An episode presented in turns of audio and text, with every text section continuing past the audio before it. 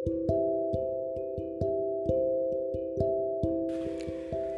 ွန်တော်ဒီ podcast ကိုအိမ်ဝေးသူရဲ့ညရညရီလို့ကျွန်တော်နာမည်ပေးရတဲ့ episode ထဲကနေပြီးတော့ပဲပထမဆုံးအပိုင်းနဲ့တော့ပြောသွားခြင်းပါတယ်အဓိကအားဖြင့်ကတော့ကျွန်တော်အနေနဲ့အခုလိုချိန်မှာအိမ်နဲ့အဝေးမှာကျွန်တော်ရောက်နေပြီဒါပေမဲ့အိမ်နဲ့အဝေးမှာရောက်နေဆိုတာကျွန်တော်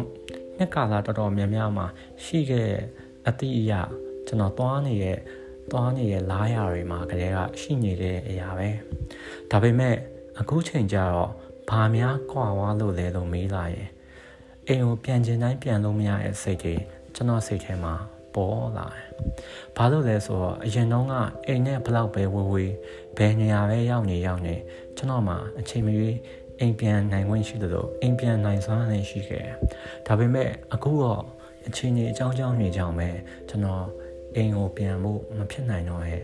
အချိန်ကြီးဖြစ်လာပါဗျာ။ဒီလိုအချိန်ကြီးမျိုးမှာကျွန်တော်အနေနဲ့တယောက်ယောက်နဲ့စကားပြောလေဒါမှမဟုတ်အလုပ်တစ်ခုခုလုပ်နေလေရှိတယ်။အရင်အလိုမျိုးလွတ်လွတ်လပ်လပ် သွားနေကြနေရမျိုးတွေသွားမရတဲ့အချိန်မျိုးမှာကျွန်တော်က brain box ဖောင်းကနေကြည့်ပြီးတော့တစုံတစ်ခုကိုကျွန်တော်တတိယနေတတ်တယ်ဒါမှမဟုတ်တစုံတစ်ယောက်တစုံတစ်ယောက်ထပ်ပို့ရဲ့အမှတ်တရတွေအစားရှိတဲ့အရာတွေကိုကျွန်တော်လေးရနေတာပေါ့ဗျာအဲ့လိုရရင်လေးရရင်အပိုင်းစားနေရနေပြီးတော့ကျွန်တော်ရဲ့ဘဝတတ်တာအဖြစ်နေ့တွေဟာကုံလွန်သွားတဲ့အခါမျိုးမှာကျွန်တော်ဟာနေဝင်ပြီးတော့မူးချုပ်သွားတဲ့အချိန်တွေကိုဖုန်းတစ်လုံးကနေ တခြားသူတွေနဲ့စကားပြောနေရင်ဒါမှမဟုတ်ကိုယ်နဲ့မသက်ဆိုင်တဲ့သတင်းချက်လက်တွေကိုနားထောင်နေရင်ကြည့်နေရင်ဖတ်နေရင်လည်းပဲကုံဆုံးခဲ့ရတယ်။အဲ့လိုကုံဆုံးမှုကကျွန်တော်အတွက်ညီငွေစရာကောင်းလွန်လာပါတယ်ဗျာ။အဲ့လိုညီငွေစရာကောင်းလွန်လာတဲ့အတွက်ကျွန်တော်အနေနဲ့ဓာတ်တွေကိုဖြည့်ဖြောက်ဖို့ရအတွက်ဒီလိုမျိုးစကားပြောရမျိုးလုပ်မယ်ဆိုရက်အတွေးကျွန်တော်ရခဲ့တယ်လို့ပဲပြောရမှာပေါ့။ ဒီတွေးရတဲ့အချိန်မှာကျွန်တော်မှပထမဆုံးပေါ်လာတဲ့ပေါ်လာမှုကဘာပေါ်လာလဲလို့ပြောရင် Edward Hopper ရဲ့ပကြီကားတစ်ချက်ကျွန်တော်ရဲ့မှာပေါ်လာတယ်။အမှန်တော့ကျွန်တော်ကပကြီကားနဲ့တော်တော်လေးဝေးရဲ့လူတွေထဲမှာပါပါတယ်။ဘာလို့လဲဆိုတော့ကျွန်တော်ပကြီကားလည်းမဆွဲတတ်ဘူး။ပကြီးကားကိုလည်းကြကြနာနာကိုယ့်ရဲ့ပင်ကိုယ်စိတ်နဲ့မကြည့်တတ်ဘူး။ တကယ်ဆိုကျွန်တော်ခံစားမှုအရန်အားနည်းတဲ့လူတွေမှာပါပါတယ်။ဘာလို့လဲဆိုတော့ကျွန်တော်အတွက်တစုံတစ်ခုခံစားဖို့ဆိုတာခံစားချက်နဲ့လည်းမလုံလောက်ပဲနဲ့အသိပညာပါနောက်ကလိုက်မှသာခံစားနိုင်တဲ့အရေးချင်းရှိတဲ့လူတယောက်မို့လို့ပါပဲ။အဲ့ဟာဖြစ်တဲ့အတွက်ကျွန်တော်ငငယ်တုန်းကဖတ်ခဲ့ဘူးရဲ့စာအုပ်ထဲမှာပါတဲ့ပကြီကားဟာအခုချိန်မှာကျွန်တော်ရဲ့စိတ်ထဲမှာတဖြည်းဖြည်းနဲ့ကြီးဆိုးလာတယ်လို့ပြောရမှာပေါ့။အထူးသဖြင့် Edward Hopper ရဲ့နာမည်ကြီးပကြီကားဖြစ်တဲ့ Nighthawk ပကြီကားကကျွန်တော်ရဲ့စိတ်ထဲမှာပေါ်လာတယ်။ဒီ episode ဒီ audio ရဲ့နောက်ခံ background ဒါမှမဟုတ်ဓာတ်ပုံအဖြစ်ကျွန်တော်သုံးထားတဲ့ဒီပကြီကားဟာကျွန်တော်စိတ်ထဲမှာတခုတ်တရအနေနဲ့ပြန်တွေးစားရတဲ့အရာတစ်ခုဖြစ်လာရလို့ပဲသတ်မှတ်ရအောင်လေ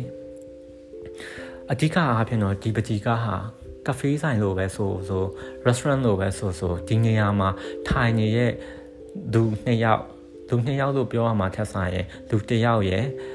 အတွဲတွဲရဲ့လို့ကျွန်တော်ကဆိုရမှာပေါ့အဲ့အတွဲတွဲရဲ့တိုးကိုဝန်ဆောင်မှုပေးနေစပွဲထိုးအသက်ကြီးကြီးလူတယောက်ရဲ့ဒီ၃ယောက်ထဲပါတဲ့ပကြီကားတစ်ချက်ပါပဲ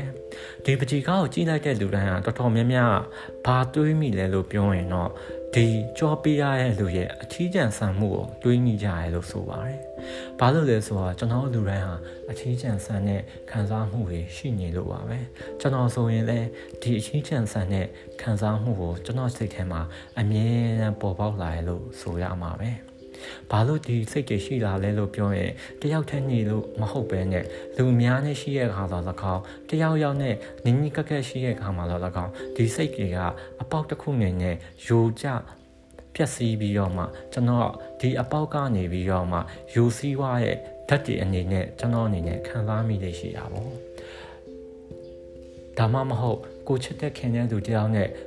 တွေ့ပြီးတော့ပြန်လာတဲ့အချိန် ကားပေါ်မှာဒါမှမဟုတ်တက်စီပေါ်မှာအပြင် brain box ကိုငေးနေနေကျွန်တော်ကဒီလိုမျိုးအထီးကျန်ဆန်တဲ့ရနံ့တွေကိုရနေလေးရှိတယ်ကျွန်တော်ကဒီထီးကျန်ဆန်တဲ့အရာတွေကိုပဲအမြဲတမ်းကျွန်တော်ရွေးမိနေရလားဖြစ်နေလားမသိဘူးလို့ကိုကကိုစဉ်းစားမိလေရဲ့